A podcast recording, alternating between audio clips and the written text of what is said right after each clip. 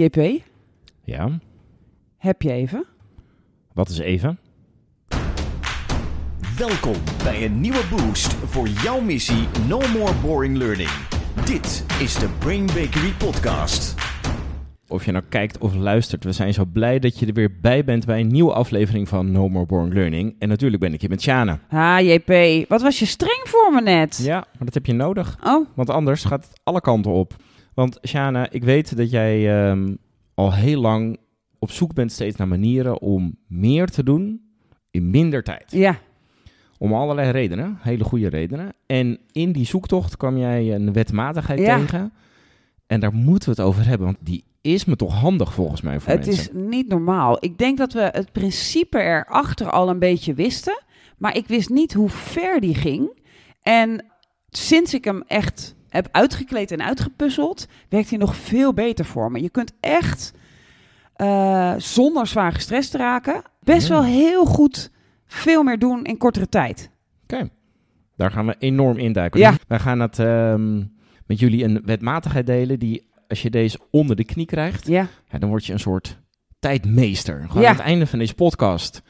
Eh, je kunt nu al zien hoe lang die duurt. Dan weet je gewoon, hierna ben ik een tijdmeester. Ja, en geef het ook door aan al je deelnemers. Want bijna iedereen, als er weer iets nieuws gebeurt in je leven, als, er een, als, als je weer een nieuwe functie krijgt of er verandert iets in je werk, dan, dan ineens zit je weer te klooien met tijd. En dan denk je, ik heb er toch al een time management cursus gehad.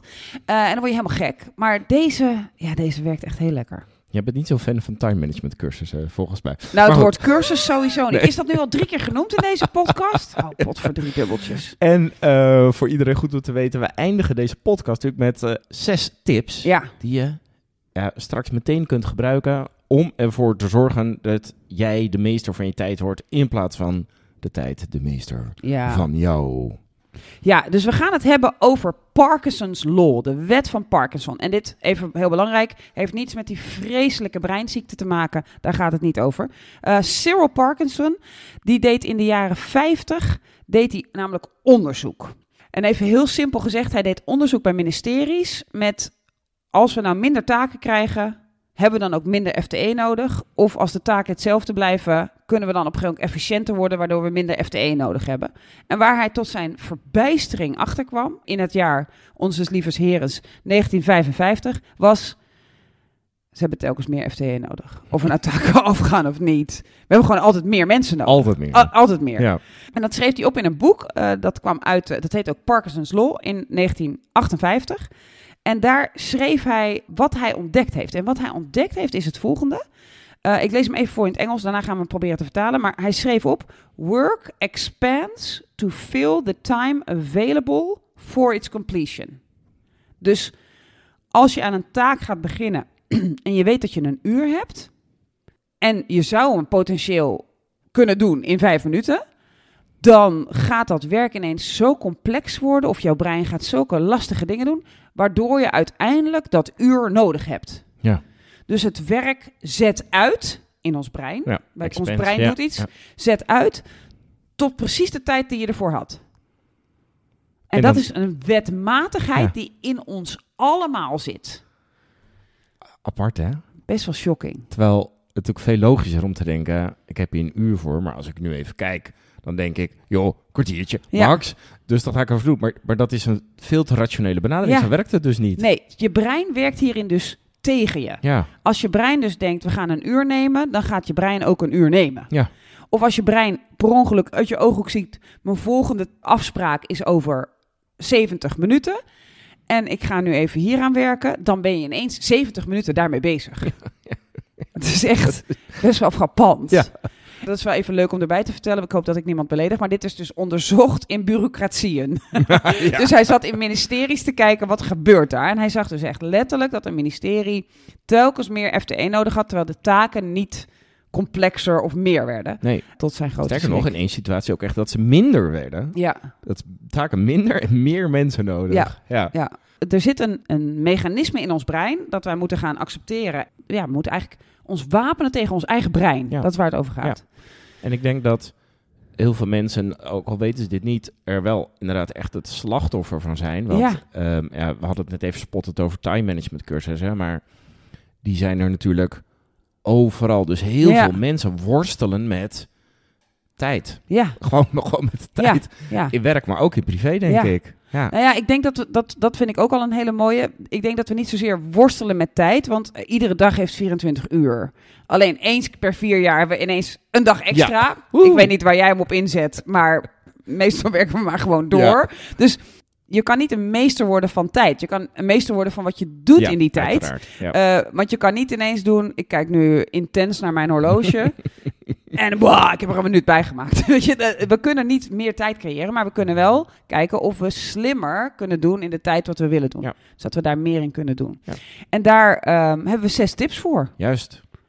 Zullen we eens beginnen met de simpelste? Of, nog heel even voor Ja. onze luisteraar. Ik denk dat iedereen ons en jou inmiddels goed kent. Maar dat is al heel lang waar jij steeds naar op zoek bent. Ja. Hè? Hoe kan ik meer doen in minder tijd?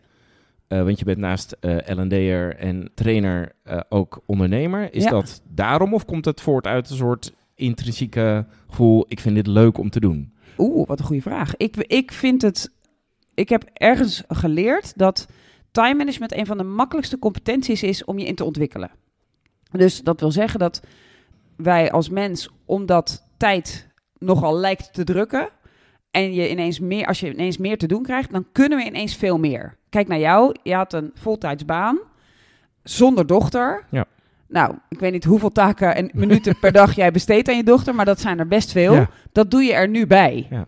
Dus wij hebben als mens de capaciteit om, als de wereld meer op ons drukt, als er meer van ons gevraagd wordt, dan kunnen wij dat ontwikkelen. Ja. Dat iedere keer als je een sprongetje maakt in je leven, van zonder kinderen naar met kinderen, van deze baan naar die baan, van een side hustle erbij gaan doen, van toch gaan sporten, ineens blijkt je alles te kunnen laten passen. Dat vind ik een fascinerend fenomeen. En ik merk dat heel veel taal van, van ons gaat over dat tijd de baas is en dat tijd dingen bepaalt. En ik denk dan, ja, ik vind het een veel leukere game om te bedenken, hoe kan ik tijd voor me laten werken? Ja. Oh, jij wil dit voor mij, ja, het is misschien mijn eigenwijze natuur, maar dat ik denk, eh, er is veel meer mogelijk dan je neer te leggen bij dit is hoe het is. Dus dat is een game die ik leuk vind. En ik ben telkens meer gaan doen, een boek erbij schrijven, dat soort dingen. Dus eh, dan moest ik telkens weer ontdekken dat, dat ik een tijdsmeester, nou ja, een, dingen die je doet in de tijdsmeester kon worden. Denk je dat wat ik heel leuk aan je vind, is dat je zegt... Zelf, zelfs zonder een soort dat het moet, probeer ik dit voor elkaar te krijgen. Ja. Ik bedoel, ook omdat het moet, maar ook niet. Ik denk dat een heleboel mensen, en dan gaan we naar de tips hoor, Ja. maar ik denk dat een heleboel mensen het misschien ook wel op een onbewust niveau een soort lekker vinden om te zeggen, Geen tijd. ja, Ja. ja, want geen tijd is natuurlijk 9 van de 10 keer, misschien wel 99 van de 100 keer een soort niet waar. nee. Het is, ik wil hier geen tijd aan besteden. Maar dat is, ja, dat is natuurlijk iets anders om te zeggen van, eh, kom je mee eten vanavond, gezellig? Ja. Eh, oh, ik heb geen tijd. Dat is makkelijker, want dan klinkt het als, als ik wel tijd had gehad, had ik gewild. Terwijl als je moet gaan zeggen, eh, nee, dat wil ik niet, want ik wil vanavond aan mijn boek werken. Dat klinkt minder aardig. Dus ik denk dat het, het verheffen van, het doen alsof tijd een ding is dat waar is, een hele lekkere is voor mensen. Om je ook een beetje achter te verschuilen. Maar ik denk ook dat heel veel mensen daar toch slachtoffer van zijn. Waardoor ze ook denken dat het waar is. Ja. En dus geen, geen power hebben. Daarom gaan we nu Parkinson's Law juist, Parkinson's Law. We gaan naar de zes tips. Ja, En tip 1, die voel je denk ik wel aankomen gezien Ja. wat Parkinson's Law inhoudt. En dat is natuurlijk, zet een eindtijd op zoveel mogelijk dingen. Misschien niet alles in het leven, maar zorg ervoor dat je van tevoren bedenkt... hoe lang wil of kan of zou ik hierover moeten doen?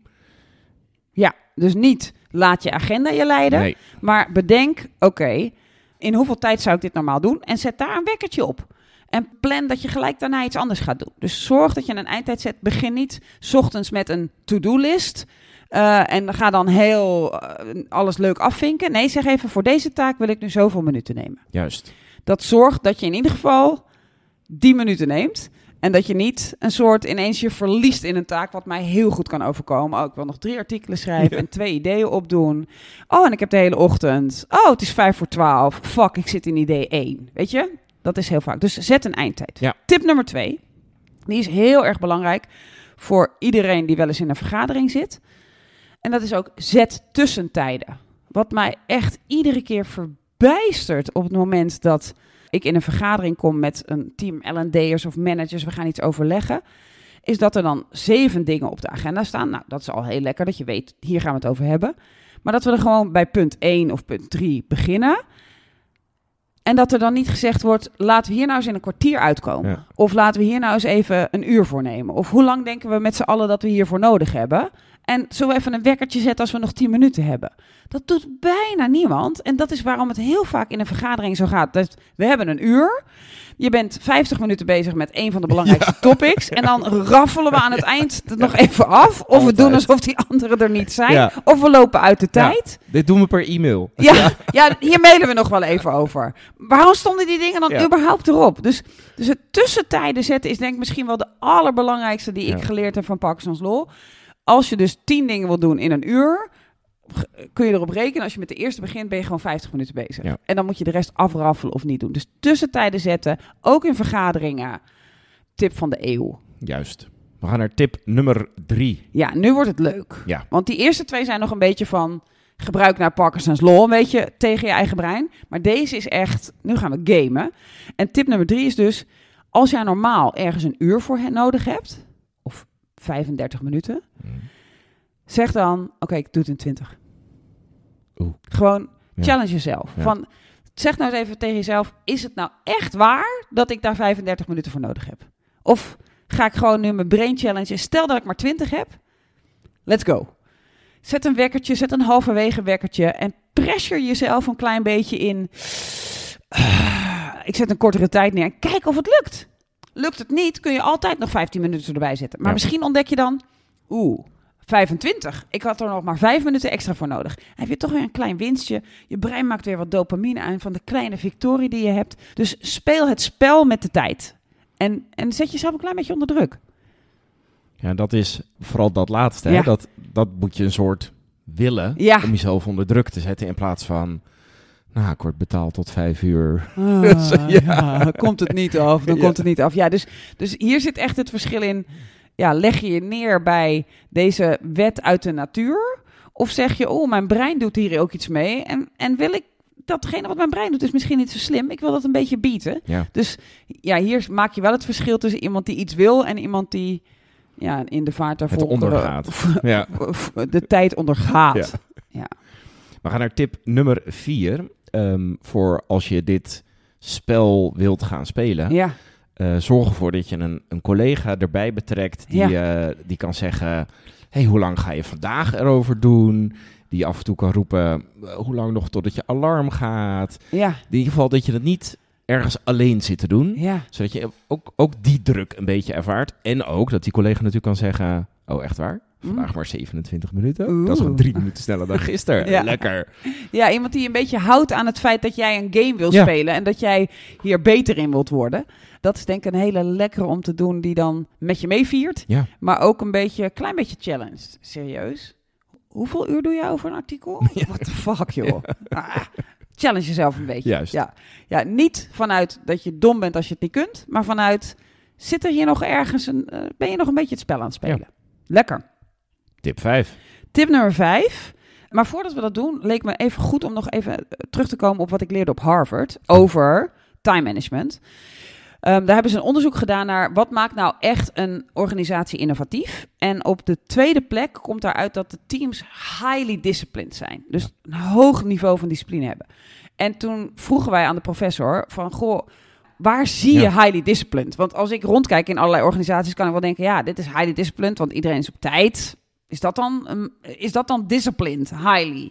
Dus eh, een van de dingen die die, die zei waar, eh, waar ze op letten, is eh, op het moment dat je een highly disciplined team hebt, dan komen zij een meeting binnen met een purpose. Iedereen is ook voorbereid, iedereen weet, dit willen we bereiken in de meeting, boom, we gaan. En wat je dan vaak ziet, is dat ze bijvoorbeeld na 20 minuten al klaar zijn, terwijl ze een half uur hadden genomen. Of na een kwartier klaar zijn, terwijl ze er een uur voor hadden staan. Dus zij zijn zo bezig met, oké, wat willen we hier bereiken? Waarom zitten wij hier bij elkaar? Highly disciplined.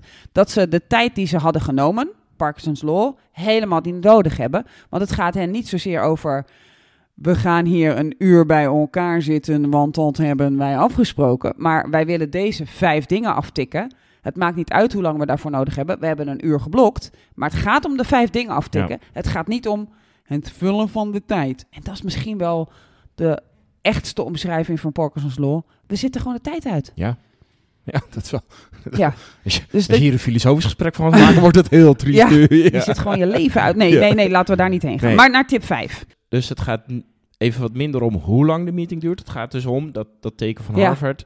Je bent eerder klaar dan de tijd die je ervoor uit had getrokken. Omdat je besloten hebt dat het niet gaat om... De tijd. ja, dus een soort... Hoe meet je dat er een meeting is geweest? Heeft die dan een uur geduurd en zaten we bij elkaar in de kamer? Is dat wat we opleveren? Of is wat we opleveren de vijf besluiten die we Ja. wilden nemen? Nou, in een highly disciplined Ja, team gaat het de om de besluiten besluiten. en gaat het dus niet om de tijd. Nee. Dus daar zie je de omkering al. Ja. Dus die vond ik wel lekker om nog even mee te nemen. Kunnen we het dan nog wel even hebben over het feit dat overal in de hele wereld alle meetings die ingeschoten worden, altijd, een uur? Ja, behalve sommige mensen in COVID, dat vond ik zo slim, die deden nog Ja. 55 minuten, anders kon je niet eens meer plassen. Nee. Ja, Zat je weer in de volgende Ja. camera op je hoofd gericht. schiet maar even een meeting in. Ja. Uur, meteen een ja, uur. meteen een uur. Is dat Is dat nog? nodig? Nee. Hmm. Nee. Goed, tip nummer vijf. Wacht even. En als je dan een uur doet, zeg dan aan het begin van de meeting: Oké, we hebben een uur staan. Hoeveel gaan we gebruiken? Ja. In plaats van, nou, we hebben een uur staan, daar hebben we het niet over, want zo doen we het nou eenmaal. En we gaan dus nu een uur ouwe hoeren. Ja. Oké. Nummer vijf. Eh, dat is ook het trikken van je brein. Dat, eh, die doe ik regelmatig. Dan weet ik bijvoorbeeld, ik moet om drie uur in de auto. Moet ik ergens heen. En ik moet niet later gaan, want ik ben altijd graag op tijd. Dus drie uur is echt drie uur. Het is niet, maar kwart over drie kan ook Nee. wel. Drie uur moet ik in de auto zitten. deadline. Eh, en dan heb ik een taak waarvan ik weet dat ik misschien wel daar een half uur voor nodig heb. Maar dan mag ik pas, van mezelf, om kwart voor drie beginnen. Oeh. Omdat ik Oh, weet dat ik om drie uur in die auto moet zitten. Dus ik weet dat ik 14 minuten heb. En omdat die, die drie uur in die auto, daar, daar zitten andere mensen aan Ja. gebonden. Anders ben ik niet op tijd. Dat, is, dat kan ik niet maken. Ik moet een keynote geven, whatever. En dan mag ik het dus maar in 14 minuten fixen. En ik mag ook geen backup plan hebben. En het ver- verrassende is, echt, ik garandeer je dit. Ineens kan ik dan dingen in 14 minuten, waar ik echt anders, ofwel als ik een soort dat op zaterdag ga doen, eindeloos de tijd voor neem. Of waar ik eh, normaal dan een half uur over doe. Oh. Oh, die vind ik heel spannend. Ja, Ja, ik, ik snap hem It's heel living on the edge. Ja, ja. dus het is, je doet jezelf wel wat aan. Ja. Hè? Het, het levert extra spanning op. Maar ineens ontdek je, ja, wat, wat zat ik me nou te vertellen hoe lang ik daarover moet nadenken? Is dat nou wel waar? En natuurlijk moet je dan kijken, heb ik nu nog steeds dezelfde kwaliteit? Als het antwoord nee is, dan werkt die dus niet. Nee. Hè? Dus je, je moet ook bereid zijn om te falen. Maar het experiment doen van, wat als ik het under pressure zet? Kan ik het dan niet in kortere tijd? En hier kwam ik op, om waar wij het ook wel eens over hebben. Dan heb je een training, die ga je geven. Ja. En die heb je helemaal voorbereid, helemaal doorgesproken met de klant en de opdrachtgever. Je hebt intakes gedaan met de deelnemers. Nou, alles staat klaar. Eh, je hebt je evaluatie, je weet hoe je, welke mentimetervragen je wil stellen. Het staat gewoon helemaal klaar. En dan de avond ervoor zit je op de bank, de Netflix, Ja. weet ik veel wat je aan het doen bent. En denk je ineens, shit, Die Dat- volgorde. dat tweede deel moet na het eerste deel. Of ik heb daar helemaal geen leuke vraag voor. Ik moet nog even een leuke vraag bedenken. Of oh, bij die case moet ik dat voorbeeld wat ik gisteren meemaakte geven. Ineens, omdat het nadert, Ja. lijkt het wel alsof je brein, ook al is hij in relaxte toestand of bijna comatueuze Netflix, Netflix, ja. aflevering 370 van de brandweer die weer iemand gaat redden, of je daar zit, dat, dat je ineens, omdat het dichterbij komt, gaat je brein slimmere verbindingen maken en ineens creatiever worden. Dus dat principe van dat je weet, ik word slimmer naarmate ik Ja. ga leveren, kun je dus gebruiken om te zeggen, ik weet dat ik slimmer en sneller word naarmate er meer druk op komt te staan. Dus zet ik mezelf een klein beetje onder druk door maar ergens 15 minuten voor te nemen. Leuke game, ik daag jullie uit om het te proberen. Ah, lekker. Ja. Dit betekent, we hebben er vijf gehad, dat we nog één tip hebben. Ja. Ja, tip nummer zes. Die heb ik gisteren nog gebruikt. Oh. Ik had een hele zware dag gehad. Het was een, eh, een teamoverleg en er waren allemaal nieuwe mensen ook nog bij. Terwijl we eigenlijk beslissingen moesten gaan nemen en we moesten eigenlijk die nieuwe mensen ook nog weer allemaal meenemen. En dat zou eigenlijk gebeurd zijn, maar dat was niet zo. Het was echt een dag. Ja.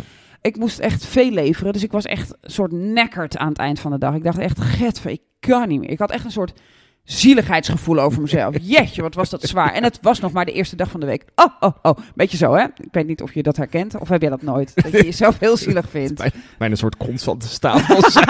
Wat erg. Ja. Ja. Nou, dus daar zat ik. En toen kreeg ik een voorzet voor een voorstel van een collega van me. En eh, ik merkte dat mijn gedachte gelijk was... Nou, hier kan ik helemaal niks mee. Dit is veel te uitgekleed, dit voorstel. En ik ben ook nog zielig, weet je wel zo. En in plaats daarvan dacht ik, oké, dit is wat tijd met me doet. Is tijd de baas of ben ik de baas? En toen dacht ik van, ehm, ik mail nu naar die collega, die een belangrijke collega voor me is. Een, eh, een zeer gewaardeerde. Dat over een uur heeft zij mijn reactie. Zo. Dus die stuurde ik uit. Daar kwam gelijk op terug, oh wauw, wat lekker. Dus ook nog een Ja. soort bevestiging. Ja. Ze heeft het gelezen en gezien. Ze wacht erop. Ja. En toen dacht ik, oké, wat heb ik nu het meest nodig om dit te kunnen? Datgene wat ik, waar ik mezelf nu al klem heb gezet. Hè? Ik heb mezelf klem gezet bij iemand die ik waardeer. Die rekent nu op iets. Dus ik gebruik de externe druk die dat mij geeft... om mezelf te verleiden om iets meer te doen. Toen dacht ik, oké, maar ik ben echt nekkerd. Ik ben echt moe. Ik heb eerst de koeien in het weiland hiernaast ge- Hmm. gevoed. Die worden altijd heel blij. Die huppelen dan naar je toe. Dus daar krijg ik heel veel positieve hormonen van. En dan ontspan ik echt. En dan ben ik echt even één met mijn vier koetjes.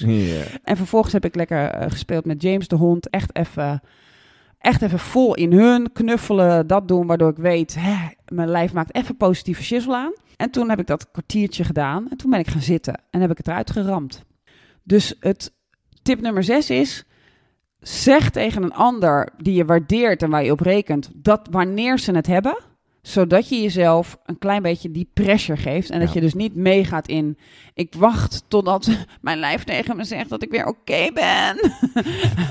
Dan was je waarschijnlijk morgen gaan beginnen of zo. Ah, had ik gedacht, nou donderdag een keer. En dan was het waarschijnlijk vrijdag geworden, Ja. weet je wel. Dus, dus probeer even niet te luisteren naar die signalen die je lijf je geeft. Betekent niet, negeer die signalen, want je wil ook aan je eigen welzijn denken.